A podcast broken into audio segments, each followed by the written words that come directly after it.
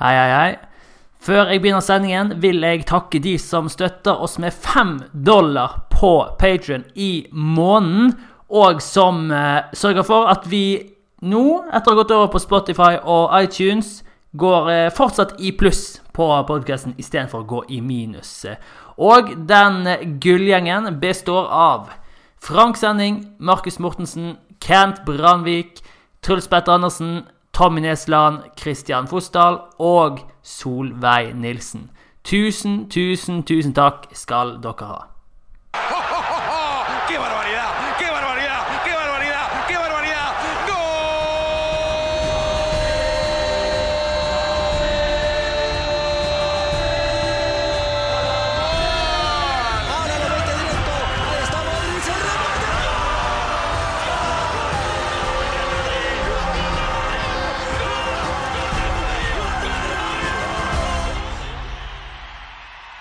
Hei og velkommen til en ny episode av La Vista Madridista. I dag skal vi ta en prat med styremedlem og tidligere skribent og tidligere redaktør i realmadrid.no. Bendik Eftang, velkommen. Hei, tusen takk. Tusen takk. Hyggelig å, hyggelig å endelig være med, være med på podkasten deres. Har, ja. Det var jo på tide, var ikke det? ja, det var på tide. Så nå har det kommet dere på Spotify og, og Apple i tillegg, så da er det jo så lett tilgjengelig og nydelig. Du er jo nydelig. første eh, gjesten på eh, altså Spotify, Apple, eh, for å si det sånn. da. Så det Ja, ikke bra. Bra skulle bare mangle, tenker jeg. det, det får ikke en bedre start enn det. Nei, Men nei, nei. vi kan jo begynne med um, spørsmålet fra Var det han Dani i medlemsgruppen som foreslo det? Altså Når vi skal intervjue folk eller ha sånne samtaler som det her, hva er det vi bør åpne med? Mm. Da mente han at eh, vi burde spørre um, når begynte du å følge Real Madrid, og hva var det som eh, startet det? Husker det? Eh, var, eh, var vel rundt Jeg er jo født i 1992. Så på en måte jeg eh, er en litt eldre generasjon. Det er jo veldig mange Real Madrid-supportere føler jeg i Norge, kanskje under 25. da. Um, så det begynte rundt 2000-2001, når man begynte å like å følge med på fotball. Eh, da var det jo liksom eh, Real Madrid de var ikke så lett tilgjengelig. Eh, det var mest Premier League det gikk i, men på en eller annen måned så, så kom meg og noen kompiser borti Raoul. Og, Mm. og det var liksom, eh, liksom sånn det starta. Um, husker Det var Raoul bryd- som var kongen, ja. det var Raoul som var kongen, og på en måte husker bruddstykker av finalen i 2000. Eh, Ja. og liksom i 2002, finalen der, så hadde jeg liksom, da hadde jeg vært Real Madrid en god stund, så der husker man på en måte, måte alt. Da. Så det var litt uklart hvordan. Vi var på en måte en mennegjeng eh, en, som liksom blant veldig mange Liverpool og United-supportere bare fant ut at eh, Raoul er, eh, er kongen. Det er sant som de sier, og Real Madrid, Ja. er, eh, Real Madrid er laget. Og så er det jo òg helt sant det at jeg også husker det da jeg begynte å følge med, så var det jo ikke Altså alle kampene gikk jo ikke på TV, f.eks. Nei, nei, det var jo Ja. Ja, det var liksom ramodri.com noen ganger. Man satt og så på live, liksom. Det var der man, der man fikk se, da. Så Kunne du se kampen, eller bare følge sånn VG Live-opplegg? det var sånn VG Live-opplegg, så det var på en Ja, måte den beste typen VG Live-opplegg, da. Når kampene gikk Mm. på TV, var å gå på realmadrid.com. Mm, Jeg husker jeg var sånn 10-11 år, så var det tekst-TV. Da var jeg Ja, inn, og så, så visste jeg jo ikke noe hva resultatet hadde vært. Og så gikk jeg inn på tabellen for å se hvem som ledet, og så ah, der har Barcelona gått forbi. Så det var jo egentlig litt sjarm med den måten å følge dem på òg, da. Men nå er det jo noe helt annet, eh, selvfølgelig. Men Ja. eh, ja, det var, ja, det var og hva som startet det, ja. Det var, det var Raoul. Og så um, kom du jo inn i realmadrid.no etter hvert, da. Og da, jeg vet ikke om du klarer å grave tilbake til hva år det var. Men du kom jo Du har jo hatt flere roller nå, men du kom jo først inn som skribent. Husker du tid det var? Riktig. Eh, Det var nok i 2007 eller 2008. Ramodri.no var veldig annerledes da. Det var ikke Facebook og sånn, eksisterte jo ikke, ikke sant. Så, så jeg husker man søkte, søkte skribenter, og skrev egentlig ganske kort søknad, for jeg syns Ramodri.no eh, var litt dårlig da. Jeg synes eh, Ja. det, det, det, ikke, det ble ikke oppdatert ofte nok for meg, da. uh, Mm. I forhold til hva jeg mente norske supportere fortjente. Så jeg skrev litt om det, og at det liksom Det er ikke noe alternativ å ikke ta meg inn i gjengen her. Uh, ja, du var klokkeklar på det. Ja, da fikk jeg en mail eh, litt etterpå at uh, vi tar deg med i, i gjengen. Uh, hører tilbake, hører fra oss uh, om, Mm. om litt. Og så fikk du egentlig bare tilgang på ramodri.no og kunne skrive og gjøre hva du ville. Det var ikke noe særlig system eller eh, Det var ingen som fortalte deg sånn, eh, og satte krav og sånne ting, eller? Absolutt ikke. Det var, det var på en måte Jeg spurte jo liksom hva er det noe jeg ikke kan skrive om, er det noe jeg kan skrive om? Eh, skal det noen som skal sjekke det jeg gjør? Men da var det sånn bare Nei, det her er det liksom Det her må du fikse sjøl. Så det var, Ja, det for var Det er jo veldig kontraster til hvordan det er i dag, i hvert fall. Så er det jo spennende å høre hva, hvor mye som kom gjennom deg, da. fordi at du var jo redaktør seinere, og det Når var det, da? Det var jo i 2012, kan det stemme? rundt 2011-2012, ja. Eh, Og da hadde du på en måte stabla på plass både en Facebook-gruppe som eh, hvor mange, Jeg vet ikke hvor mange tusen likes man har i dag, jeg. Ja, det Eh, er nøyaktig. 27 000 i dag. Jeg husker når vi var på et par hundre folk der, liksom. Åh, okay, Ja. Og det var jo sjukt å bare ha det, og så vokste det noe helt uh, sinnssykt. Og så liksom Men det du, før du sier mer, så må jeg bare si at det mener jeg at du skal ha stor del av æren for. da. Fordi at eh, jeg husker at du var jo en maskin på å alltid legge ut ting på Facebooken. og alltid, Jeg husker jeg alltid tenkte han er jo dritgod på å finne perfekt tekst til bildene og finne gode bilder som alltid fikk mye oppmerksomhet. Så det, det skal du ha. at eh, Jeg tror en stor del av altså antall likes har kommet pga. deg, faktisk. Ja, vi, vi jobba, jobba veldig hardt med det og følte liksom det var veldig viktig å få en stor base der. Jeg husker spesielt liksom kanskje sånn 2011-2012 så var det la oss si en 7000-8000 likes. Da vi hadde veldig lik med Blaugrana, Barcelona Ja. sin supporterside. Og det var selvfølgelig Mourinho og Pep Guardiola-tiden. Så det var, liksom, det var ikke bare krig mellom de, da. Det var liksom litt sånn gnisninger og krig mellom supporterklubbene også. Og så var det bare så deilig å se noen år etterpå. Vi, nå er vi jo langt foran. Eh, selv om Ja, jeg ikke tror jeg akkurat, ja. ja, jeg tror liksom ikke det er så mange. Jeg tror Real Madrid og Barcelona sånn supportermessig er ganske like i Norge i forhold til hvor mange som heier på dem. Eh, men eh, i forhold til hvor mange man har på Facebook-gruppa si, da, som daglig får Real Madrid-nyheter, så, så gruser vi jo de.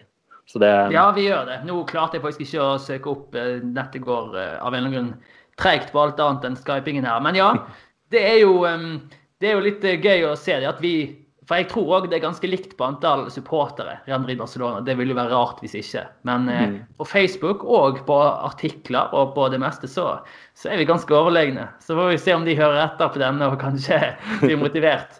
Men eh, ja.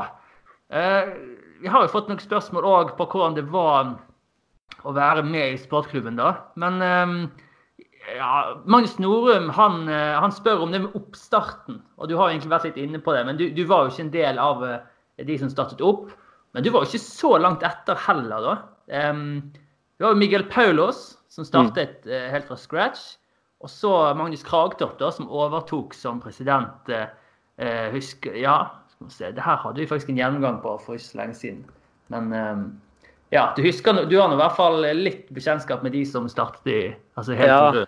Ja, og så var Miguel Paulus som starta det, og, og sånn eh, Magnus Kragtorp og Håvard Lonbakken, eh, som var, Ja. eh, var inne ganske tidlig også. Um, Mm. Håvard Lonbakken altså På den tiden jeg kom inn, så hadde vi ikke noen redaktør, eller ingen var på en måte sjef. Så, okay. så Hå- Håvard Lonbakken var på en måte den første redaktøren vår, da. Mm, Eh, ok. på- Han var på- før deg, eller? Han var før meg. Eh, Ja. Så, så du er var vel nummer tre i rekken av redaktører, da. Så vidt, Ja. eh, vidt jeg eh, husker. Vi tok faktisk en liten sånn gjennomgang for eh, jeg vet ikke om et par måneder siden. Jeg tror kanskje han Petter Aasgaard òg snek seg inn imellom dere to. Kan det stemme? Ikke Ja, det kan stemme. Det kan stemme. Det, kan stemme. Mm. Det var en Så litt jeg- kortere periode, tror jeg. Ja. Men du, du var med i fire år, tror jeg, og det er ganske lenge som redaktør. Eh, Så spør eh, godeste eh, Mikael Jensen hvordan syns du utviklingen til sportsklubben har vært de siste årene? Og hva er de største utfordringene med å ha redaktøransvaret for frivillige skribenter? det, nei, altså, altså, det, altså For supporterklubben et, Jeg føler at det, hver person som har tatt over nå, må liksom ha initiativet og gnisten til å gjøre det litt bedre enn han forrige. Du må på en måte ta det lille steget, lille, store steget videre for hver gang og utvikle oss enda litt mer. Og det syns jeg på en måte har blitt gjort, og spesielt nå av deg og dere i det siste. da. Så veldig mye skryt til dere for hvor bra dere jobber. Og fra en som har vært, vært i skoa før, da. Altså, det er ikke, det er ikke alltid bare dans på roser. Nei, det er Um, ikke det. Og det er jo som Mikael nevner, det er jo frivillig arbeid sant, som er grunnstammen i eh, supportklubben. Mm, mm. Så, så det er liksom det å klare å motivere alle selv når det går bra, selv når det går dårlig, og på en måte få folk til å gi det lille ekstra. Da. For det er liksom ikke så mye som skal til for å bli god. Det gjelder jo egentlig alltid alt på en måte du går inn i, da, hvis du gir overalt hvor du går, det bitte lille ekstra. Yes. Altså, du skriver ikke tre artikler i uka, du skriver fire, kanskje fem. Eh, og liksom klarer å få gjort det til en vane, da, og fortsatt synes det er gøy. Um, Yes. Så liksom det å på en måte prøve å trekke fram folk og, og sånne ting. Men å holde over tid, det er, eh, det er vanskelig, og det er, eh, det er selvfølgelig en, eh, en eh, tung jobb til tider, men, men den gir deg veldig mye tilbake. Og jeg føler sånn du lærer jo å bli en, hva skal jeg si, en leder. Du lærer jo å organisere. Eh, Mm. Samtidig som mange av de som skriver, ønsker jo å bli journalister. Eh, Nemlig. Det er et lite springbrett. Og det har det blitt brukt eh, bra òg av flere som har vært innom. Den, den gjengen som var da du var redaktør, det Mm. var jo helt fenomenal gjeng med Kristina, eh, Paulos og Arild S og eh, Børresen og alle mulige folk som har gått til, til eh, mediehus. Så det, det tyder på at det blir gjort eh, mye bra. Ja, mange, mange av de er jo ansatt og liksom eh, ansatt da, eh, og kjenner, kjenner godt i dag. Så det er liksom på en måte Ja. svært dyktige journalister. Og det var liksom sånn, jeg husker jeg brukte det på videregående, visste norsklæreren min det her. Kommentarene mine og sånne ting. Se på Ah, det her, liksom. Jeg er skikkelig engasjert i det faget her. og du får på en måte, du fikk en, fikk en god tone med han òg, når han skjønte at du skrev masse på fritida. Så Ja, nemlig. det er, Nei, en, men det er en god erfaring. Det har og- gode tider, uh, uten tvil om det. Er det noe, har du et um, hva skal jeg si, favorittøyeblikk i, i supportklubben? Jeg vet i hvert fall at um, vi møttes på Colosseum, da. La Decima. Husker du det? Mm. Det må jo stå høyt oppe, i hvert fall. Ja, den står veldig høyt oppe. Jeg tror det var kanskje første gang jeg møtte deg også. Ja, Eh, Colosseum kino. Da samlet vi ganske mange. Og vi hadde fylt den eh, kinoen ganske bra med Atletico-fans og flest Real Madrid-fans da. Og så var det jo den etterlengtede La Decima, som jo eh, Ja, historisk, selvfølgelig. Ja, nei, det var, det var helt rå opplevelse. Men én ting som faktisk slår den sånn med supporterklubbøyne Vi var i Madrid en gang. Jeg tror vi hadde spilt mot Valencia. Da var vi en gjeng sånn som uh, supportertur, da. Uh, Ja. Med skribenter og sånne ting. Og ganske dårlig kamp mot Valencia. Vi dro ut på byen hele gjengen, var en 10-15 stykker. og hopper og danser rundt på dansegulvet der. Og Magnus Ra begynner å rope i sangene 'Benzema, Benzema', Benzema, og alle, nesten hele klubben blir med. Og bare stå og Oi, hopper. Så det var eh, utrolig, utrolig morsomt, uh, morsomt eh, øyeblikk, det. Ja, for det er jo, for de som ikke har vært med i en sånn supportklubb, da, så er det jo et litt, hva skal jeg si Det er jo en litt sånn unik sammensetning med det at du snakker ofte, egentlig gjerne hver dag, og så har du en god Du har et bra fellesskap, men du har aldri møtt hverandre. Så da, når du endelig får en sånn supportertur, en fellestur, så er det jo ekstra spesielt. Spesielt når det går så, så bra som det gjorde, gjorde der, da. Etter Valencia. Hvor- Husker du hva år det var? Uh, nei, vi har vært på flere, flere turer. Ja. Så jeg husker ikke helt hvilket år det var, men det, det begynner å bli en fem-seks år siden. altså. Det er akkurat den, akkurat den turen. Og så er det sånn, som du sier, du blir jo veldig gode, gode, gode venner med folk. da. Og Mm. du på en måte eh, får deg nye og, og gode venner. Jeg ser jo at eh, det blir tur nå om en ukes Mm. tid også. Kan, er dessverre bort, er i Panama da, ellers så skulle jeg Å, gjerne vært med. Og håper det snart blir arrangert en uh, ny tur, for da skal jeg definitivt få, få vært med, altså. Ja, for jeg tror vi skal få til en ny en allerede til våren. Men det er sant det at um, om eh, litt over en uke, ja, så er det ned til Bernabeu. og Da skal vi se to kamper, da. Og da er vi nærmere 50 mann rett og slett totalt som skal være med. Og det blir jo helt spinnvilt. Jeg skjønner ikke at det kommer til å gå, men eh, jeg tror det blir veldig bra, altså. Du, du vet ikke hva du har, eh, har begitt deg ut på når du skal arrangere noe sånt der. Altså, Oh, vi var en gang mot eh, Manchester United også.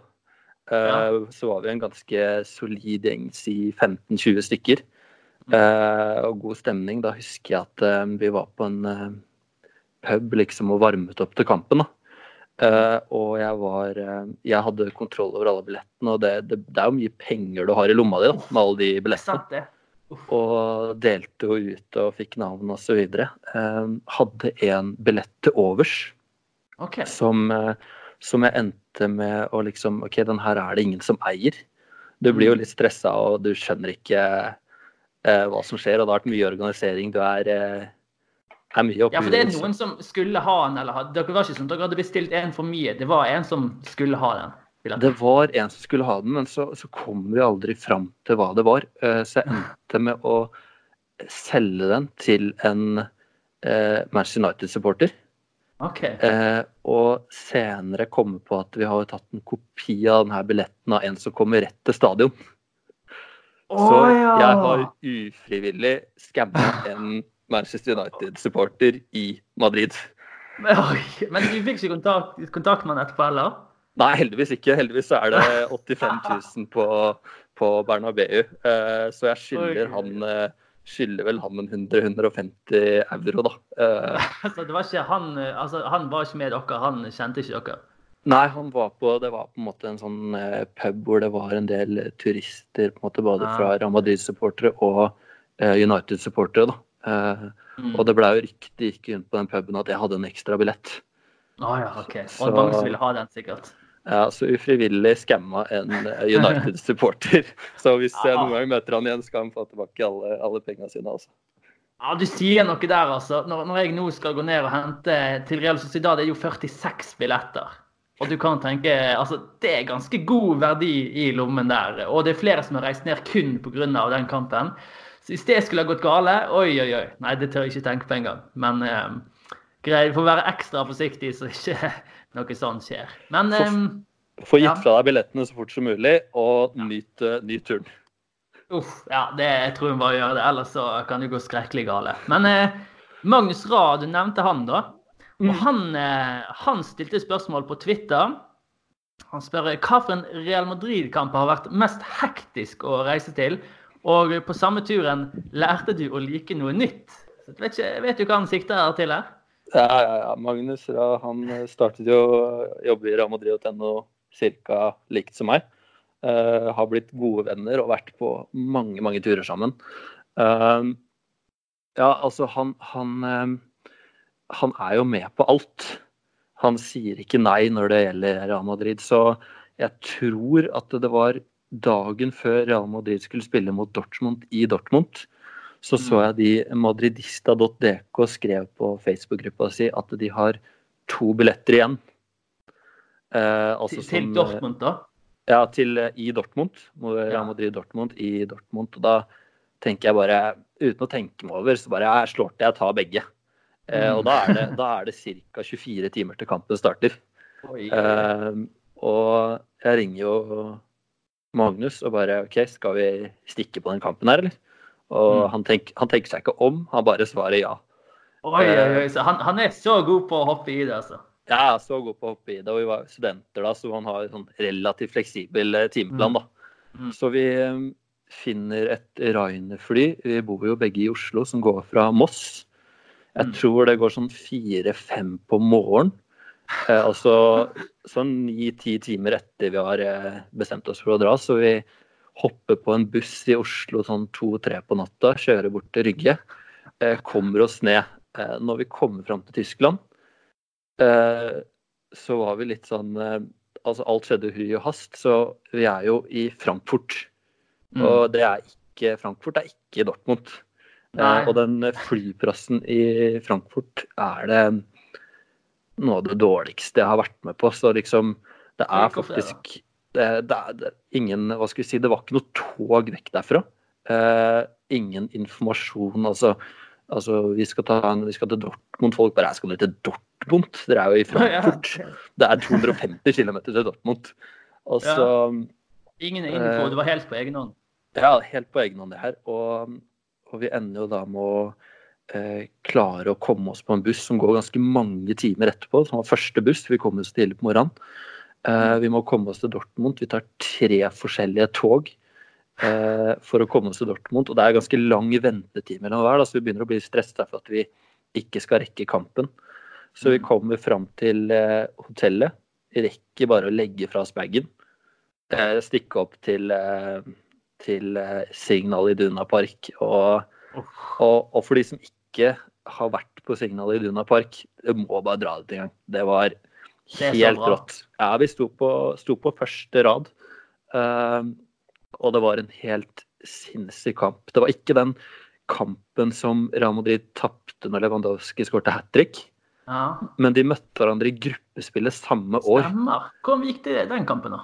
Uh, jeg tror det blei 1-1 eller Ja. 2-1 til Dortmund. For jeg husker Ronaldo helt i slutten av første omgang kom alene med sånn spretteball, og keeperen rusha ut, og han liksom kippa han litt over. Mm. Og nei, å stå så nærme, også på den stadion, det var helt sinnssyk stemning. Altså, det er eh, Ja. Og Dortmund var gode på den tiden òg. Ja, Dortmund var helt rå. De var jo, de var jo i CL-finalen eh, med det samme laget omtrent. Jeg husker ikke om det var ett år, samme år eller året etterpå eller noe sånt. Ja. Ja, ja, sikkert. Ja, det kan godt hende det var samme år, faktisk. ja. Og da var jo Eller, Klopp, ja, eller i hvert fall samme sesong, da. Mm. ja, Klopp trener, så det var litt sånn datidens Eller Liverpool, sånn som Liverpool er nå. Mm, De mm. var mm. ekstremt eh, spennende og spilte utrolig bra fotball. Ja. Altså, det er jo helt Og, og, og alt gikk Dere kom dere akkurat inn på stadion, da, eller? Ja, nei, altså vi, vi ville jo komme til staden så fort som mulig før, da. Så vi, vi kom Ja. dit eh, til staden sånn litt over en time før. Eh, Ok. Og da, Men det er nå bare på håret, det òg, egentlig. Det er bare på håret, ja. Så da husker jeg at, eh, at uh, tysk politi uh, gikk og filmet alle Real Madrid-supportere sånn veldig tett opp i ansiktet. Det var sikkert noe ultras eller et eller annet de lette etter, så vi fel Ah. følte oss som de hooligansa der vi gikk. Og så sto vi midt blant Dortmund-fansen når Real Madrid eh, Real Madrid-bussen kom, og jeg er en ganske høy fyr, da, 1,90 høy, så jeg er jo høyere enn de fleste som står der. Jeg husker Mm. liksom bare den øyekontakten jeg hadde med PP, som satt på spillebussen. I sånn tre, ja, hun pekte på meg i sånn tre-fire sekunder, for vi var jo de eneste av Madrid-sporterne som sto inne i den klynga. Han bare Ja. pekte på meg, jeg bare pekte på han, og vi bare ja, det her blir bra, liksom. Wow. Ja, Det så er ganske var, rått, altså. Ja, det var, det var rått. Det var uh, utrolig Ja, det god- hektisk, men god eh, god story. Har du lyst til å oppleve Santiago Bernabeu? Meld deg inn på realmadrid.no i dag, så kan du skaffe deg billetter som medlem av supporterklubben. Samturen eh, lærte jo å like noe nytt, spurte han òg. Hva, hva er det jeg går på, da? Ja, nei, da eh, han, han har alltid vært så sur fordi jeg ikke likte øl. Så han, eh, så han Jeg husker det var mye mas om det, her, at du ikke likte øl. Ja, det var veldig mye mas i den Real Madrid, altså den interne gruppa vår. da, Så han, eh, han tvingte i meg en del øl, og fra den tid så, så har jeg begynt å like øl. da, så Magnus Ra, det er eh, din fortjeneste at jeg er eh, Eller fortjeneste og fortjeneste at jeg er glad i øl i dag, da. Ja. Jeg er faktisk heller ikke så glad i øl, så jeg tror jeg må holde meg unna han, for jeg vil ikke ha det her inne i, inne i kjeften. Men eh, ja, jeg vet ikke. Øl er jo Det er jo konge å ha med på kamp, da. Så det er jo Hvordan gjorde du det når du skulle Nei, skal ikke gå inn på alkoholdiskusjon, men Men eh, ja, uansett, det høres jo helt rått ut. Og den stadion der, den eh, kunne jeg godt tenke meg å være på. Altså, det, det, det er liksom Bernabeu, fantastisk stadion, men stemningen i, altså på Dortmund-kamper f.eks. er jo bare ja, det villeste. Og, og til og med, tror jeg da, i hvert fall har fått inntrykk av, mot de mindre lagene òg. Og spesielt mot Real Madrid så er det jo helt eh, kaos. Ikke sant? Og så er det ikke liksom tatt av turismen, da.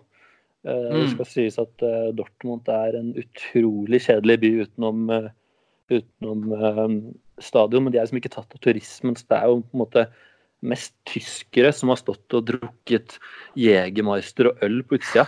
Og det var ikke bare Ja. sånn, det var ikke bare de bak mål, den gule veggen eller hva det kalles. Det var hele stadion. Mm. Så det var Ja. spinnvilt.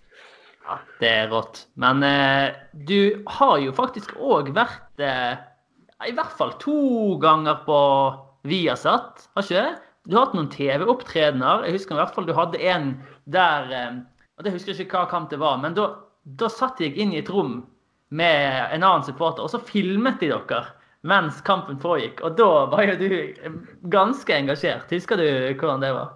Ja, jeg husker det. Det har, vært, det har blitt noen i Viasat og, og sånne ting. Det var semifinalen, tror jeg, mot eh, Bayern en tid tilbake, når Ramos blåste den straffa over. Det var jo en helt, eh, helt Det var så intens kamp. Og Var det da de filmet deg under den straffekonken? ja. Uff a meg. Akkurat den kampen òg, da.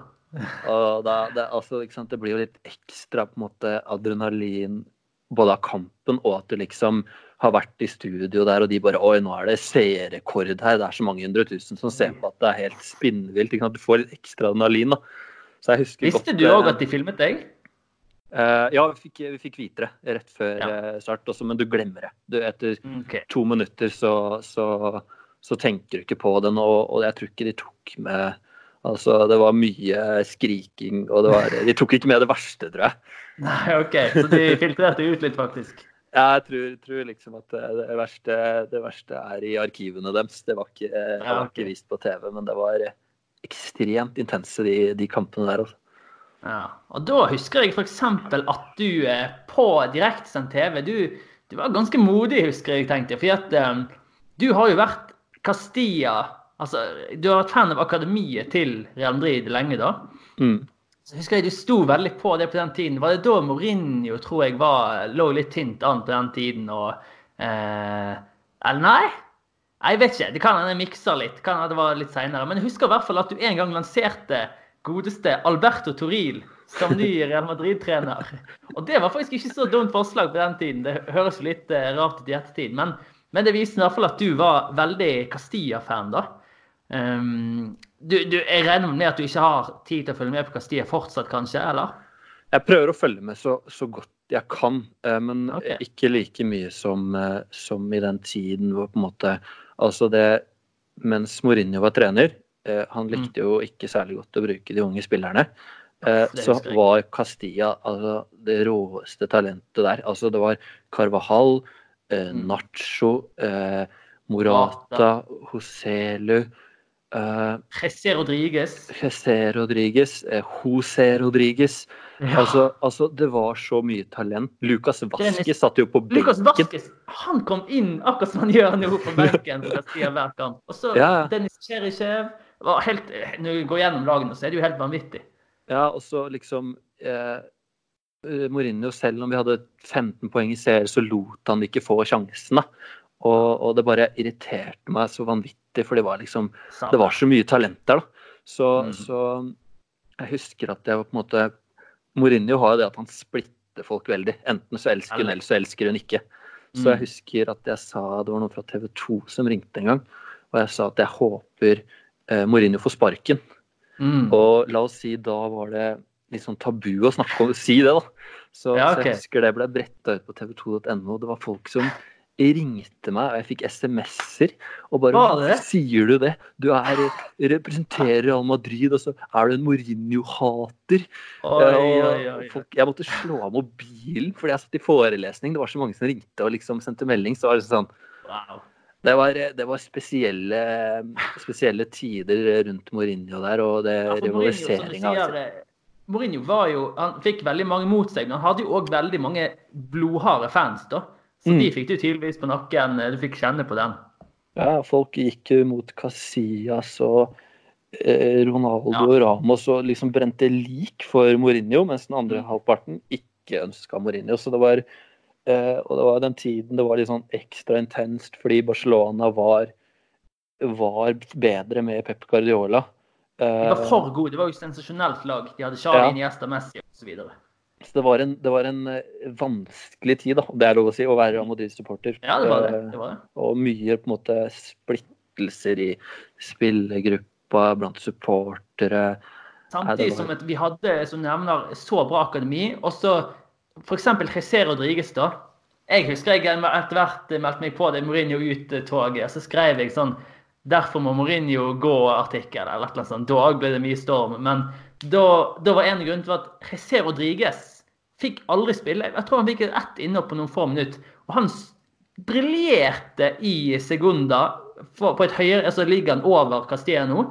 Han slo målrekorden til Emilio Botragenio. Mm. Bare var liksom nesten liksom nye Ronaldo med sveisen, med driblingen, med farten, med alt. Og så brukte han ikke likevel. Pluss at han vraket Casillas.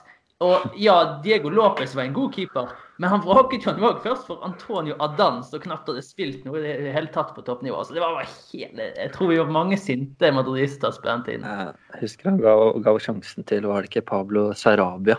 Han må ikke glemme. Ja. Og da var bare Mm, sånn OK, det er ikke nok. Han må gi mer sjanser. Det er ikke nok.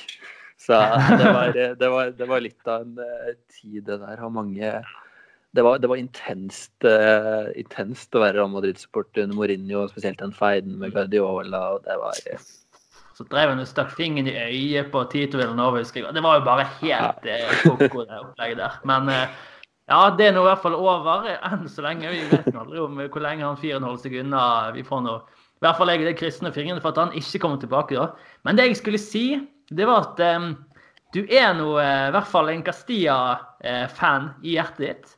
Eh, Så Espen Wallin han spør eh, hvordan ser du på Castilla og arbeidet som skjer der?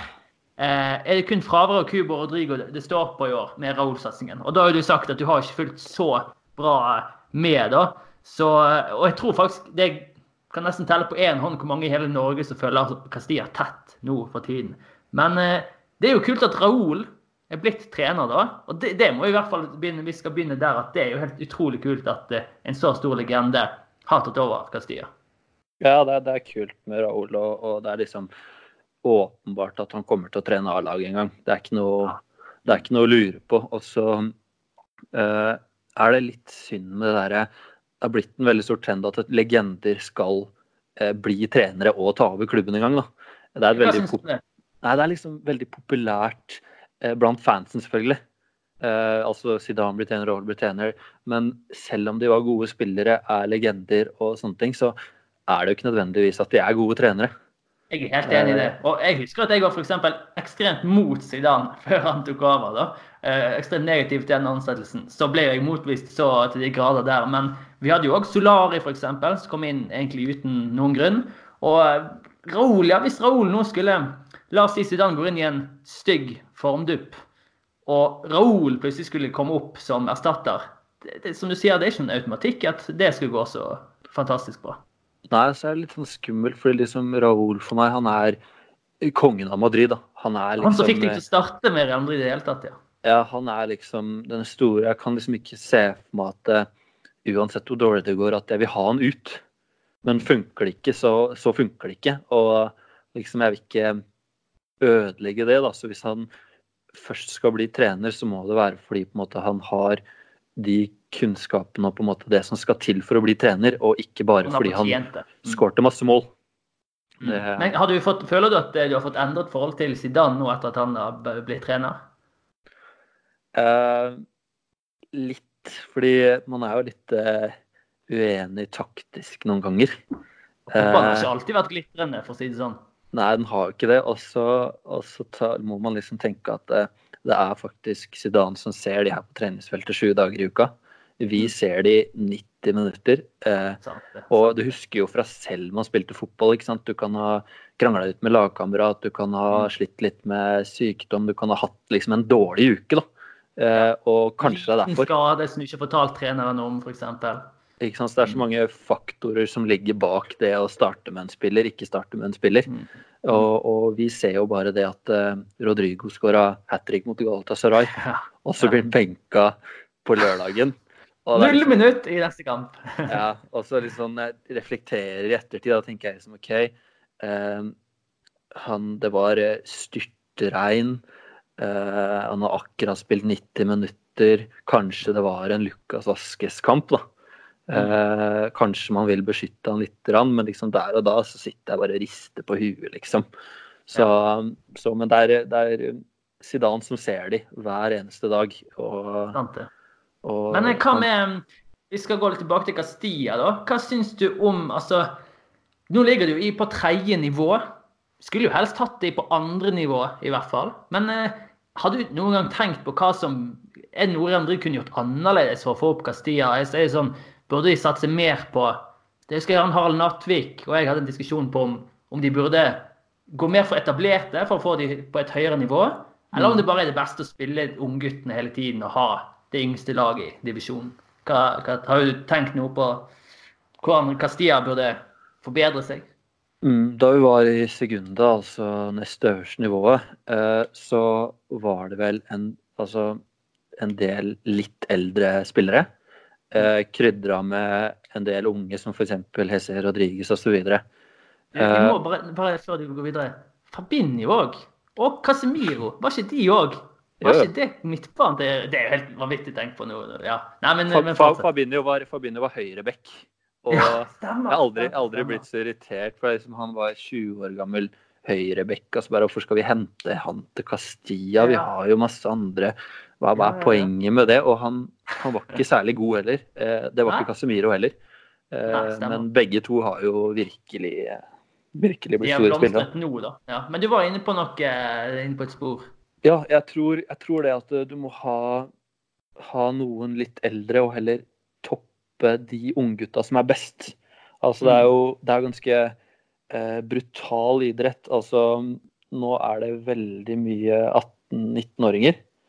Og noen av de er jo veldig store talenter og burde kanskje spilt ett hakk opp. Mm. mens noen av de er, eh, kommer aldri til å bli gode nok fra Madrid. Så da tenker jeg heller å kanskje hente inn på noen av plassene litt eldre folk. Altså jeg snakker ikke, snakker ikke 28 år, liksom, men eh, som er et par, tre, 24 åra. Ja, kanskje en 25-åring til og med. Altså. Ja. Ikke sant, som kan hjelpe å få dem opp, sånn at de beste spillerne på Castilla får spilt på et høyere nivå. Det, det tror jeg på en måte er, tingen. fordi sånn som du ser nå, f.eks. Cubo og Rodrigo, altså de er altfor gode for eh, Segunda B. Ja, Men- det er men- tredje nivå. Da er du delt opp i masse avdelinger og alt mulig. sant? Og spiller på driftsbaner og ja. Mm. Ikke sant? Men Segunda så er på en måte en litt finere arena for å utvikle seg. Mm. Eh, men nå er jo disse spillerne såpass gode igjen at eh, Segunda er ikke nok for dem, selv om de er 18 år også. Så Jeg er enig med deg i at hvis du bare altså, For før hadde jo Real Madrid eh, faktisk Real Madrid C òg. Eh, og det tror jeg faktisk de har lagt ned nå, da. Men Mm. da var det sånn at det var Real Madrid på første nivå, Castilla på andre nivå, nivå Real Madrid C på tredje nivå. Og det var jo helt fantastisk opplegg. Der, og da kunne de jo ha noen rutinert, mer rutinerte spillere på andre nivå. Og så kunne de som nå spiller for Castilla, egentlig ikke gode nok, kunne spilt for Real Madrid C. De ville uansett spilt på samme nivå. Men eh, ja, det, jeg vet ikke. Real Madrid har sikkert sine grunner til å ikke prioritere. Det er kanskje for dyrt, jeg vet ikke. Men eh, f.eks. Ja. Ja. André Lunin, da, som hadde blitt sendt på to helt totalt mislykkede utlån nå, som står eh, andrevalg som keeper, hadde vært perfekt å la han spille i Segunda, f.eks. ja, jeg orker nesten ikke når du snakker om han, orker nesten ikke å snakke om han eh, Lunden, for det er helt, det er helt håpløst. Jeg kan ikke jeg fatter og begriper ikke at Real Madrid, når du først låner han ut nå for andre år på rad, setter et Mm. krav om at hvis dere skal låne den spilleren her, så skal han spille. Eh, og det er, det er helt, helt uforståelig. Eh, Ja, det, det er så- sånn at en, en verdens største klubb kan gjøre den feilen. Det, det, ja, det er nesten Det går ikke an, faktisk. Mm. Så Lunin, jeg har ikke peil om han er god eller ikke. Aldri sett ham spille. Men Nei, ingen har sett ham spille. Det var noe U-mesterskap i uh, sommer, var det vel, hvor han hadde Ja. vært helt uh, ellevill. Mm. Men uh, det var jo ingen som så, så jeg vet, Litt vet ingenting om han. Nei, det, det, og det er jo trist. sant? Det er jo en måte vi kunne beholdt Kanskje faktisk Tenk om Lunin kommer tilbake nå, så man ta ett år for Castilla for å bare sånn Nå må vi gi han fyren spilletid. Mm. Da har han plutselig wastet tre år, to uten å spille, og så ett i Segunda B. Kan plutselig være knekken for hele karrieren hans. sant? Så det, det er ikke helt ubetydelig, det, det vi har snakket om her. Men eh, hvis vi eh, kan fortsette på Nevnte Rodrigo, da. Mm. Eh, og eh, da er det en på Twitter som heter eh, Garniti Et eller annet greier. Du, du vet hvem du er. eh, han eh, spør hvem kommer til å lykkes av Rodrigo og Venicius. Er det begge? Er det ingen? Eller bare én av de? Uff, Har du en, uff, eh, har du en favoritt? Det, er, det er som å sette på en måte eh, sikkert en foreldre, to barn opp mot hverandre. Da. Hvem er best av, av Kari og Ola, liksom? Det er jo begge. gullguttene. Ja, det er jo gullguttene til Real Madrid. Og, og jeg skrev jo litt om det på Twitter forrige uke, at, eh, at eh, jeg tror kanskje Rodrigo har hatt litt mer flaks da, enn Venicius. Jeg, jeg hadde litt lyst til å spørre deg om det. For at du, mens alle andre var så hypet Rodrigo, Rodrigo, Rodrigo, så var du litt mer lugn, for å si det sånn. Ja, liksom, misforstå meg rett. Altså, han har jo skåra noen fantastiske mål og vært veldig, veldig bra. Eh, Men, men liksom, jeg syns det er litt kjedelig. Jeg hadde forventa liksom Det er mye støttepasninger, og så har han vært på riktig sted til riktig tid. S- avslutninger, det må jo sies. Ja, så får vi se om liksom med tiden om han er på riktig sted til riktig tid, om det bare er flaks, eller om han er på en måte en Ruud van Nistelrooy-fyr som bare var på riktig sted til riktig tid i 15 år. Ikke sant? Da, er det ikke, er det ikke tilfeldig lenger. Eh, men liksom når det gjelder der, så liksom uh, Venicius har hatt mye uflaks, da, samtidig som han ikke har på en måte fått avslutningene sine ennå. Mm. Men, men Venicius er for meg favoritten her, hvis jeg måtte velge. Fordi når han får ballen, da liksom det ekstra med Real Madrid De skal ikke bare spille, spille fotball, de skal spille vakker fotball. Mm. Og det var litt sånn hele fjorårssesongen, når Venicius fikk ballen, så bare Du vet ikke hva som skjer. Han kan drible ti mann, og altså, det er liksom Det er så spennende hver gang han får Mm. ballen. Og liksom det er liksom det Real Madrid presenter- representerer, da, er jo vakker fotball. Og Mm. han er jo liksom snytt ut av Copacabana der, hvor de bare, Ja. bare happer. Så, så jeg håper virkelig at han får kontroll på en måte sluttproduktet. Se Eh, for deg og- Venicius, litt bedre utgave av Venicius nå, med sluttprodukt. Det hadde vært noe. Ja, det hadde vært helt rått. Og så må vi bare se tilbake, f.eks. Husker Iguain sin første par ja. sesonger i Real Madrid. Elendig avslutter. Altså, Mm. det var eh, altså Spanias dårligste avslutter. Og plutselig, over en sommer, så, så eh, skåret han på alt. Ja. Så, så vi får håpe Venicius eh, Han er nok veldig klar over at eh, avslutningene og den siste, siste touchen så glipper det, så jeg tror de Jeg, jeg er litt enig med deg når det gjelder Rodrigo òg. Altså. Men det som er litt interessant, er at jeg fulgte han en del i Brasil da. Og Mm. da Jeg ble jo veldig forelsket i han, men det var fordi at Det som er ironisk, er at det var egentlig en totalt motsatt Rodrigo som vi har sett i Real Madrid nå. Fordi at eh, ja, Han skårte jo en del mål eh, for Santos òg, men han var ingen målskårer. Det var ikke det som var hans greie. Men han var enormt god på å drible Mm. og skapte ting. Og var Jeg mener jo fortsatt at dribling er hans største styrke. Det har jeg nevnt eh, før. Men så kom han her, og så er jeg litt enig i at han slår en del støttepasninger. Og han spiller veldig, veldig på det sikre, altså. Det er det ingen Mm. tvil om. Uh, Så mens Venicius han er så frustrerende, men, men likevel så vil du at han skal få ballen hver gang, for du vet at det skjer noe. Så Mm. det jeg, Men vi må jo si at vi må være veldig glad for at vi har begge på laget, da. Det er jo Ja, eh, ja absolutt. absolutt. Det var liksom samme inntrykk jeg hadde fått av, eh, av Rodrigo, at det var en liksom Neymar-type. da. Mm, Eh, mm. og, og jeg har fortsatt til gode å se han drible noen, utenom Ja, når han spiller han, vegg. er utrolig, han er utrolig feig med å han, han løper ikke mot noen, sånn som Venicius. Mm, så det kan hende at han på en måte er litt mer eh, frykt og nerver i kroppen. Da. For når du satte inn på Venicius, så er det bare han skulle gjøre akkurat som han gjør på trening, akkurat som han har gjort i Brasil. Altså, Mm. det, eh, eh, mens eh, Rodrigo på en måte virker kanskje litt eh, litt, måte, litt mer respekt, litt mer frykt da, enn hva Venicius hadde de første, første Ja. månedene. Ja. Nei, men jeg, jeg håper at Det som gjør, gjør meg glad, er at Rodrigo nå har lært seg å spille på høyre. Det betyr at vi kan ha Venicius venstre, Rodrigo høyre. En, der kan vi bare ha mange gode år fremover på, på kantene. Um, men jeg tror for å svare på spørsmålet, så, så sier vi vel begge, hvis vi skal svare. Altså, selv om du foretrekker kanskje Venicius, så jeg kan kjekke litt mer på Rodrigo, men uansett, vi, vi går jo for begge to. Ikke sant, ikke sant. Så fortsetter vi på Dani René Bondsaksen sitt eh, spørsmål. Hva tanker har du om fremtiden til Real Madrid? Nå har vi tegnet et bra bilde her. Og satsingen på å kjøpe ungt, tenke langsiktig. Det er jo mange som er litt kritisk til denne måten Real Madrid har, har gått ut på nå de siste årene. egentlig sluttet å kjøpe stjerner, nesten.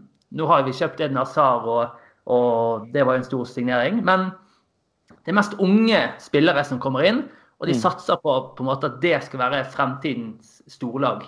Fede Valverde og, og co. som kommer inn. Hva syns du om det? her? Er- det, er det en fornuftig måte å konkurrere med oljeklubbene på? Eller har vi strammet litt for mye inn på pengesekken? Kunne vi ha hentet litt større navn enn det vi har gjort? Jeg er ganske enig i den veien man går, fordi det, som du sier, mot de oljeklubbene som bare pøser inn penger, pøser på med lønninger. Altså, man kan ikke konkurrere mot det.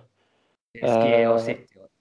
Nei, det er, det er umulig. Så, så jeg er veldig fan av den retningen man har tatt, fordi uh, altså, det er den eneste mulige veien, da. For uh, vi kan ikke kjøpe Vi kan ikke gå en sommer og kjøpe Benzema, Kaka og Ronaldo igjen. Det er Sant? Tenk den er- sommeren at vi fikk den. Ja, det, det koster for mye, da. Når du ser tilbake nå, så det er jo superbillig. Bare 100 millioner for Ronaldo, liksom. Hadde, det, hadde det vært nå, da, Cristiano Ronaldo var 4-25, så Mm. altså det, ingen hadde jo kunnet kjøpe han utenom Nei. PSG. Og det vi ser nå, Liksom. er jo at egentlig ingen som selger stjerner til hverandre, med mindre de har ett år igjen av kontrakten. For at alt er så dyrt. Mm, mm. Så ser det utvikle seg den veien, og, og vi har en fordel vi, jeg sier selvfølgelig vi når jeg snakker om Real Madrid, når jeg snakker med en annen eh, Madrid-venn her, så Men vi, vi har den fordelen av at eh, jeg tror spillere Den historien spillerne ønsker seg til Real Madrid fremfor de fleste andre klubber. Jeg tror på en måte det blir fordelen til klubber som Real Madrid, Manchester United eh, og Barcelona, i fremtiden. da. At eh, liksom historien deres, om du tjener 50 millioner i Real Madrid eller 70 millioner i året i City, jeg tror at det, eh, vi fortsatt kan vinne spillerne, ikke sant? Yes, yes. Selv om vi faktisk Men det er jo litt rart å tenke på at vi faktisk Vi har alltid vært de rikeste. Sånn soleklart rikeste. Plutselig så kom disse oljeklubbene, ja. Og nå er det sånn Tenk om vi skulle kjøpt Kevin De Bruyne, f.eks. Ikke sjans. Det, det Nei, går jo ikke an. Nei, nei. Altså, og, og Mbappé da, er jo den neste vi håper på. Men eh, må nesten vente til kontrakten går ut for at det skal være noen sjanse der òg. Men, eh, men du er i hvert fall positiv og tenker at det er en riktig vei å gå. Jeg tror det er den eneste veien å, å gå. Som du sier, du kan ikke kjøpe De Bruyne. Vi kunne, kunne gjort det for ti år siden. Kunne vi Mm. kjøpe De Bruyne, vi kunne kjøpe alle de spillerne da, hvis de er på en måte i sin peak, men nå, det er for dyrt. Det, Det er det går ikke lenger. Dessverre. Men da eh, er jo spørsmålet I januar, da, så har Real Madrid vært litt sånn av og på om de har hentet spillere eller ikke. Oftest ikke. Tror du det er spørsmål fra Dani igjen? Tror du på noen årganger i januarvinduet? Nei, jeg tror egentlig ikke på det. Uh, hørte forrige podkast var det vel, hvor dere diskuterte litt om Eriksen kunne komme inn til en Ja. billig penge eller ikke. Mm. Men eh, jeg tviler på det. Uh, og, og jeg, når jeg sitter og tenker, så skjønner jeg ikke hvem det skulle vært. Kunne Eh, tenke hvor er- Eriksen? Nei. Nei. jeg skjønner ikke helt eh, Skal han spille fast på Real Madrid? Er han god nok til det? Hva tenker Han, du? nå er han faktisk ganske dårlig i Tottenham, har jeg hørt. Mm. Ja.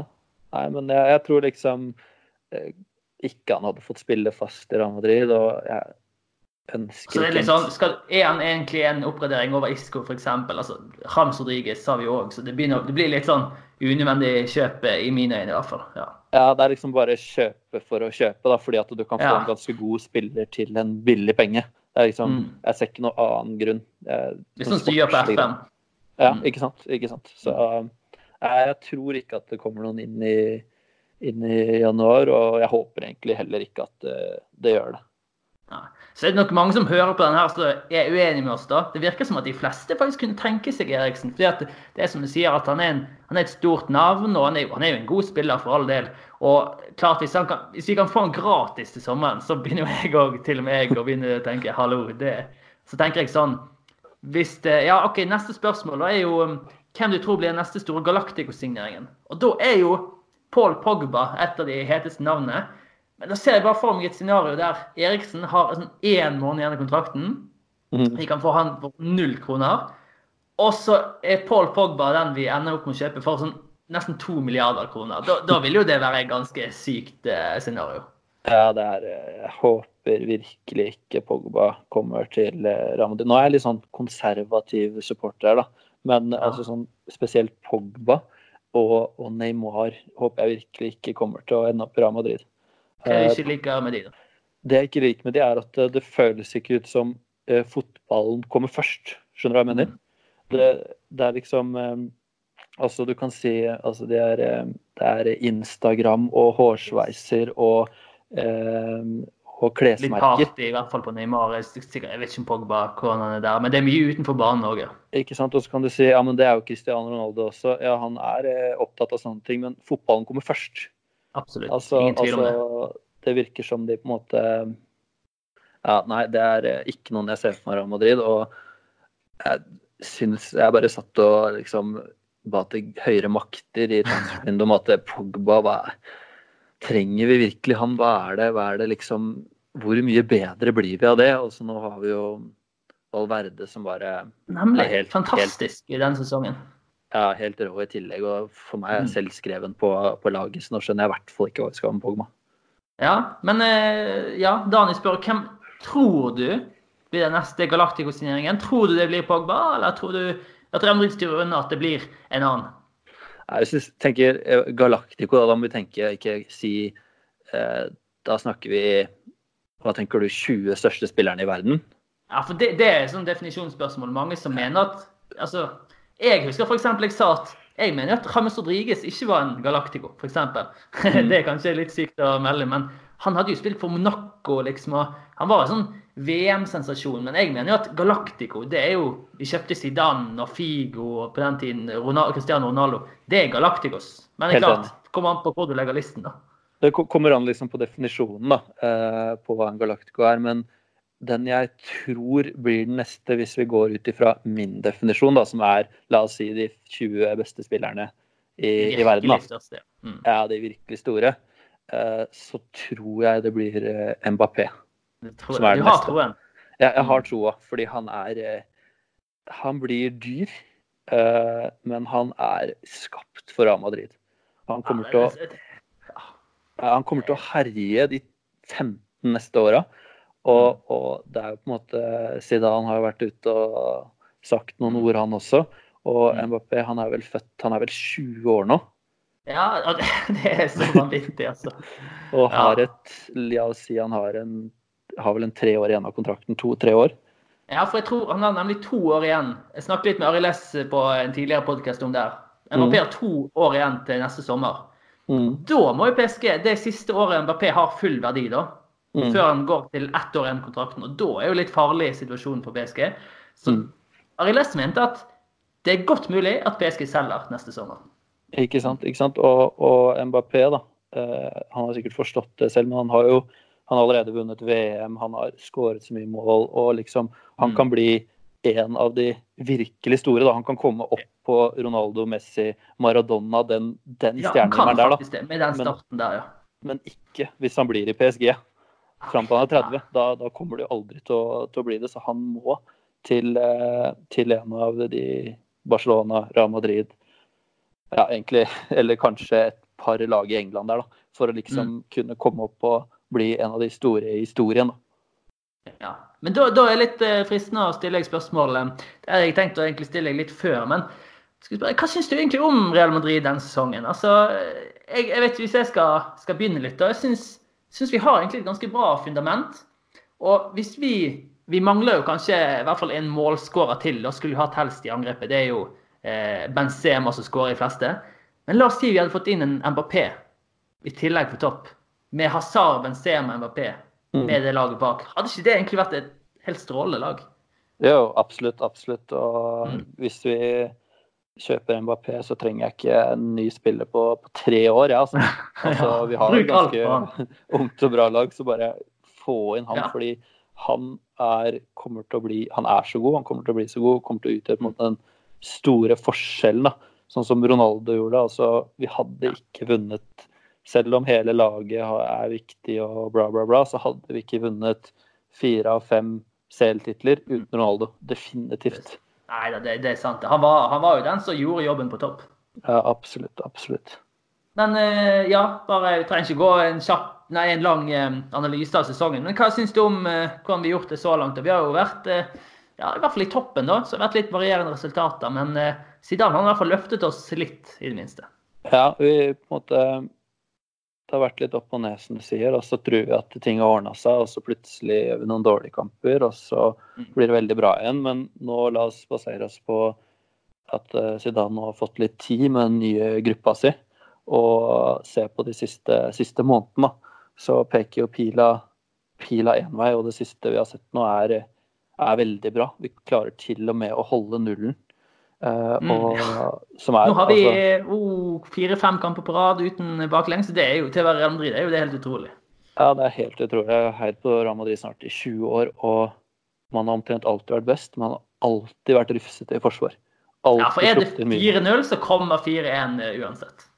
Jeg, jeg vet ikke hvor lenge det er siden en eh, Hva er det det heter det trofeet hvis eh, keeperen i ligaen som har færrest innslått, er Samora? er det? Ja. Samora. Jeg, jeg kan ikke huske at en Real Madrid-keeper har vunnet den så lenge jeg er her på Real Madrid, da. Ja, fordi det var jo alltid Casillas som var den beste av han og Victor Valdez på den tiden. Mm. Men det var alltid Valdez som stakk av med Samora-trofeet. Fordi at eh, Casillas han spilte på Real Madrid. Det gikk bare ikke. Ja, det var, det var et par-tre baklengs hver kamp, men de skåret jo fem i tillegg, så Ja, Så det gikk sant. jo bra, men eh, det er utrolig frustrerende har vært det der. Mm. Så gøy å se at Det er deilig å få den tryggheten bak òg, ja. ja. Enig, enig. Og så tror jeg at vi kommer til å være med og kjempe om La Liga hele veien. Jeg tror det kommer til å bli veldig jevnt i år, og tilfeldighetene avgjør der. Eh, Men når det kommer til Champions League, så tror jeg ikke for første gang omtrent som Real Madrid-supporter at vi vinner. Nei, Jeg har du er alltid trodd. Nei, jeg har alltid, alltid liksom sett Real Madrid som en av favorittene da, i 2009, selv når vi tapte mot Mm. Liverpool 4-0 det året der, 2005. Altså alle årene har jeg på en måte sett Real Madrid som en av favorittene. Men jeg tror i år at, eh, at Liverpool City de er, de er et hakk over Real Madrid akkurat nå, dessverre. Og så må vi se om de har toppa formen for tidlig, da. Fordi vi har absolutt potensialet til å være det beste laget, men akkurat nå så er vi et lite hakk bak de aller, aller beste, tenker jeg. Ja, for hvert år så går jeg i den samme fellen, og så hvert år så, så prøver jeg å minne meg på å ikke gå i den samme fellen neste år, som er hver sesong så begynner alltid PSG og kanskje City og noen andre lag helt sinnssykt bra.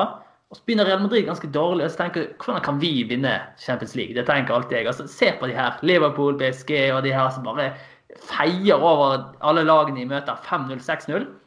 Og så har vi kanskje hatt en litt treig start.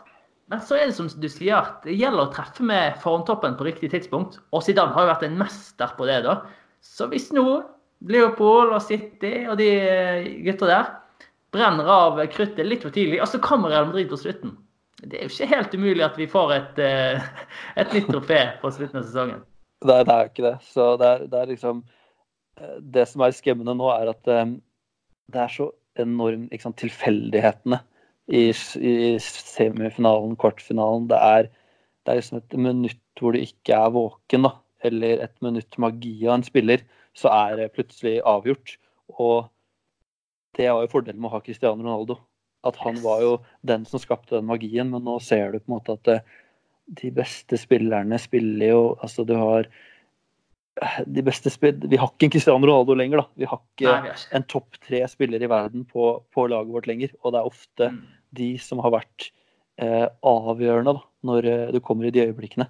Så Har du troen på at Azar kan bli en spiller som eh, løfter seg og blir en sånn altså topp, topp, topp, topp norsk spiller, topp tre i verden, og avgjør sånne kamper? Uh, Vanskelig spørsmål, vanskelig spørsmål. Jeg tror Altså, jeg tror ikke han blir en topp tre i verden. Det, det har jeg ikke troa på. Han er, han er rett bak. Mm. Eh, Det er det som er problemet. Og så så er jeg litt sånn bekymra for hvor eh, seriøs han er.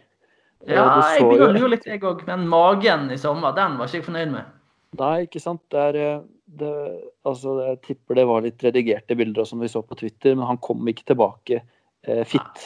Det gjorde han ikke. Og, og det skiller på en måte den elitementaliteten for å være helt, helt der oppe.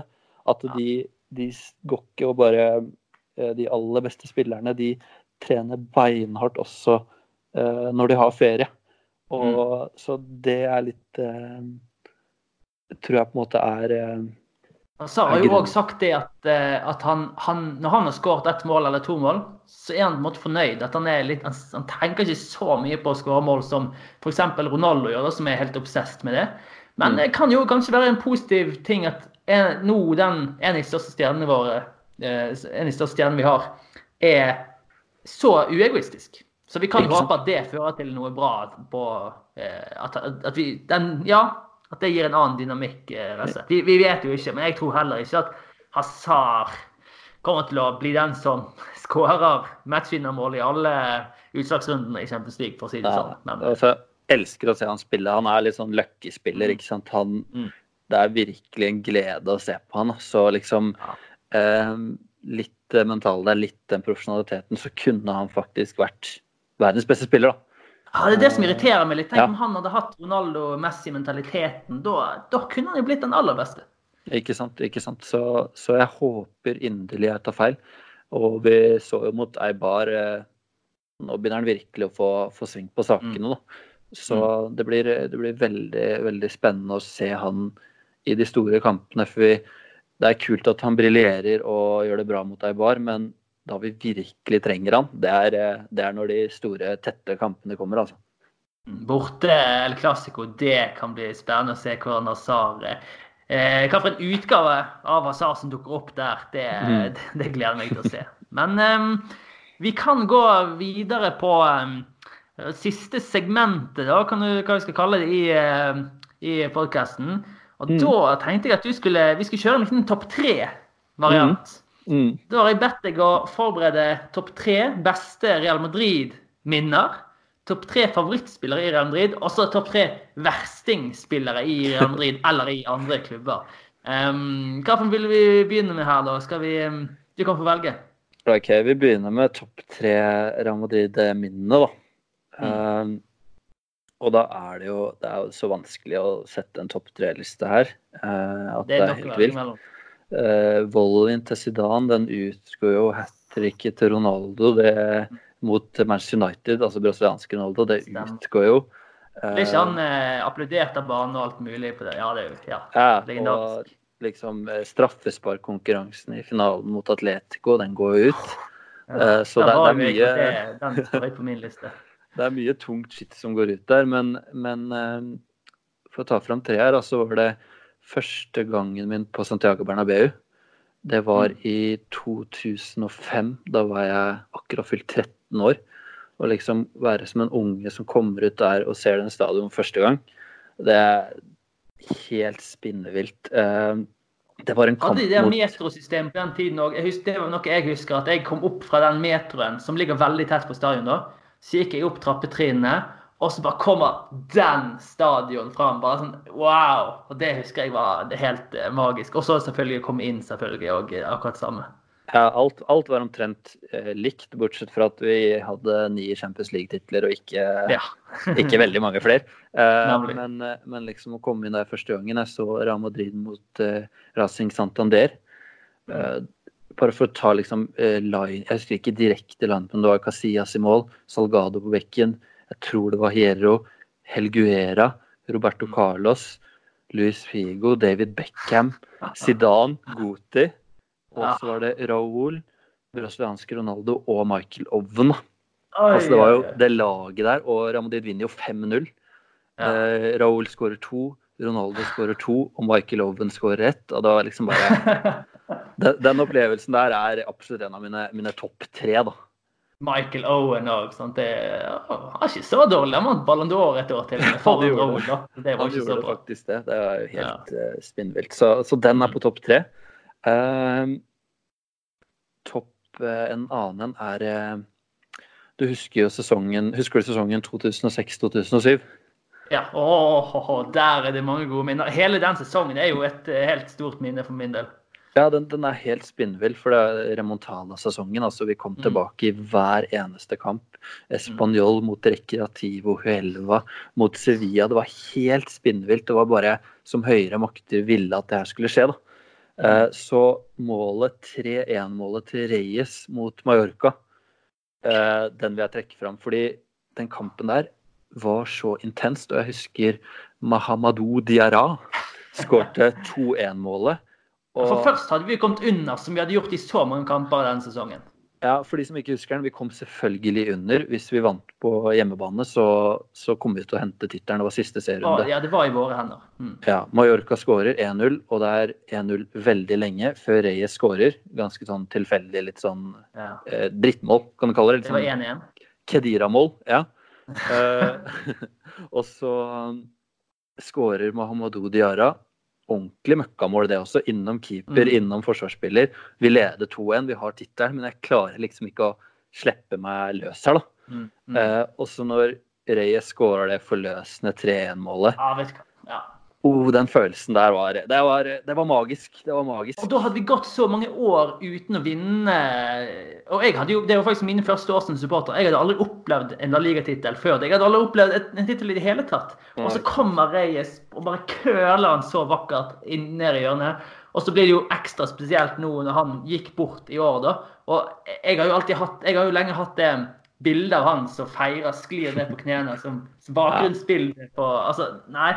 Fantastisk øyeblikk. Ja, det øyeblikket er helt, helt rått. Uh, og så må vi ikke glemme La Decima. Når Ja, hallo, uh, øyeblikket, altså det når uh, Ramos skårte. Vi var jo innom det litt tidligere, vi var på Coliseum. Jeg husker ikke hvem det var som sa det, men jeg tror han Magnus Holteberg, han Real Saragossa-supporteren. Mm, mm. han har en film av det, og han skrev på Twitter at det høres ut som noen har overlevd et flykrasj. Altså, vi hylte, og vi hoppa på hverandre, og jeg, jeg husker jeg fikk så vondt. Altså, det er så mye adrenalin, så du slår i ting rundt deg. Du hopper oppå hverandre. Det var Nei, for et øyeblikk. For et øyeblikk. Det er eh, de tre mange gode øyeblikk som har blitt, eh, har blitt borte her, men eh, skal jeg trekke fram tre, så er det de. Det de. er sterk topp tre, det der, altså. Det er det. Ja. OK, og, favorittspillere, da? Eller hadde du en til før du skulle videre? Nei, nå var jeg over på favorittspillere. Jeg bare så batteriet på, på mobilen her tillater meg 20% så, så vi Ok. eh, bare Ja, men fare vi er for på Ja, vi er det. Vi er det. Så favorittspillere. Eh, Raúl nummer én. Sergio Ramos nummer to. Eh, nummer tre veldig, veldig vanskelig. Eh, veldig mange som har meldt seg på, og jeg klarte ikke å bestemme meg for én, så jeg har skrevet eh, Casillas skråstrek Goti skråstrek Mm. Figo. Ja, OK. Ja, For det, der er det for tøft å vrake noen, rett og slett. Ja, ikke sant. Og så skulle jo Ronaldo vært der, og det, det er jo det, det, det er vanskelig, men, men eh, jeg vil si på en måte Raúl og Sergio Ramos er ganske klare, da. De Ja, er i, inne i beinmargen her, liksom. Det er Med Raúl som får the notch eh, på toppen. Ja. Ja, ja. Ja, ja. OK, og så har vi verstingspillere. Det kan jo både være Real Madrid og andre klubber. Jeg vet ikke om du har noen fra Real Madrid, men eh, ja, fyr løs. Jeg, jeg har jo skrevet opp det, det var jo bare å få ned Barca-spillerne, egentlig. Ja. Eh, men eh, eh, historien her, altså eh, Du har jo Alba og sånne ting. Utrolig irriterende fyr. Jeg kan ikke fordra han. Du har Gerard Piquet, som på en måte Æsj, ja. vi har sett hele karrieren her, da, og han blander litt politikk inn. Han, han spark... Han er eh, han er, han er veldig ufin. Han, han Ja. hater Real Madrid. og Han gjør det. Og så den fem fingre opp, eh, den eh, når de slo oss 5-0 i Mourinho sin første klassiko, den òg sitter dypt. Ja, han har gått veldig høyt ut på sånn Twitter, og han er liksom Han er en virkelig antimadridista, da. Og, og på toppen der så har jeg faktisk Luis Enrique. OK, hvorfor det? Eh, nå skal du høre. Altså i, Han spilte jo Real Madrid fra 91 til 96. Eh, Jeg var bare fire år når han eh, gikk fra Real Madrid til Barcelona. Men jeg husker han på en måte på starten av 2000-tallet. Og han, eh, han eh, var i Real Madrid, en ganske stor spiller i Real Madrid. Og gikk ut på kontrakt og signerte til alles overraskelse for eh, Barcelona. Da sa han at aldri likte Real Madrid, følte meg ikke verdsatt der i det hele tatt. Så, så, så gleder meg til å spille i Barcelona. Og han Han sa det, jo det var før min tid. Jeg har ikke satt meg nok inn i mer. Jeg vet han gikk over der, men han var så krass òg, ja. Ja, han hater Real Madrid og skårte mot Real Madrid og jubla hemningsløst på Jeg husker, jeg tror det var på Santiago Bernabeu, samme året som han bytta. Og jeg husker ikke om han kyssa emblemet eller om han dro av drakta. Altså, det var sånn intens feiring sånn. Han gikk all in, han. Ja, altså eh, Tross for en lang karriere i, i eh, Barcelona, så var han på en måte en viktig del av Real Madrid før, altså på 90-tallet. Så han ble invitert til 100-årsjubileet til Real Madrid. Eh, og der kom han jo selvfølgelig ikke. Oh, ja. Eh, det var i ikke møte 2002. Nei, og han ble jo konfrontert med Jeg vet ikke om det var pressen eller om det var Real Madrid eller hvordan det har seg til. Um, jeg spurte hvorfor var du ikke der, du var jo invitert. Så sa han jeg har bedre ting å gjøre på fritida mi. Åh, OK, så det var jo bare dråpen for din del. òg? Ja, så, så han er eh, Han nummer én på verstinglisten, da? Ja, han er, han er Ja. vi, får gi han nummer én. Og så, skal ja. det sies da at han eh, virka som han har roa seg litt når han blei trener og sånne ting. At Mm, han mm, mm. Eh, ikke var den eh, guttungen lenger. Han var litt eh, mer respektfull og, og sånne ting. Men som spiller absolutt verste, verste sorten, altså. Ja, den, den, den jeg fortjener. I hvert fall nå når jeg har hørt hva han har gjort. Jeg var ikke klar over de to tingene, faktisk. Men ja, Luis Henrique, det, han kommer høy på min eh, verstingliste etter, etter å ha hørt det. Nei, men eh, strålende. Vi får spare litt på, eh, på siste batteriprosenten din, eh, Bendik. Det eh, syns det blir strålende her, jeg. Og eh, tusen takk for at du kunne være med. Og eh, du kan jo komme med på flere andre podkastepisoder òg, hvis du har tid til det. Du er vel litt travel, eller? Ja, tusen takk for eh, at jeg fikk komme, først og fremst. Eh, jeg håper å kan bli med litt på, på nyåret. Få invitere meg igjen. Jeg, jeg, Absolutt. det her er moro. Snakke om Real Madrid, Ja. og, og det er bare hyggelig. Eh, Strålende. Ja, men jeg er eh, eh, veldig jeg må bare si jeg er veldig imponert over hva dere driver med. og Jeg følger med bedre enn du tror på, på okay. hva dere driver med. ja, Det er godt å høre. jeg, jeg, jeg føler meg føler ramadrid.no, som jeg fortsatt kaller det, da, er i Ja, ja, det gjør jeg òg. Jeg er litt Ja. old. Jeg syns det er vårt merkenavn, da, men eh, jeg vet ikke om det begynner å falme litt. Ja, det, det er ekstremt gode hender, så bare hylle arbeidet du og alle, alle gutta gjør, altså. Så det er, eh, Tusen takk. Tusen takk. det er helt rått. Så, så får vi snakkes Sånn, på, på nyåret, tenker jeg. Ja, det får vi gjøre. Jeg skal garantert eh, få deg tilbake, tenker jeg. Og så eh, må vi òg takke alle som hørte på. Alle gamle lyttere og alle nye lyttere fra Spotify og Apple. Så eh, sier vi bare til neste gang. À la Madrid.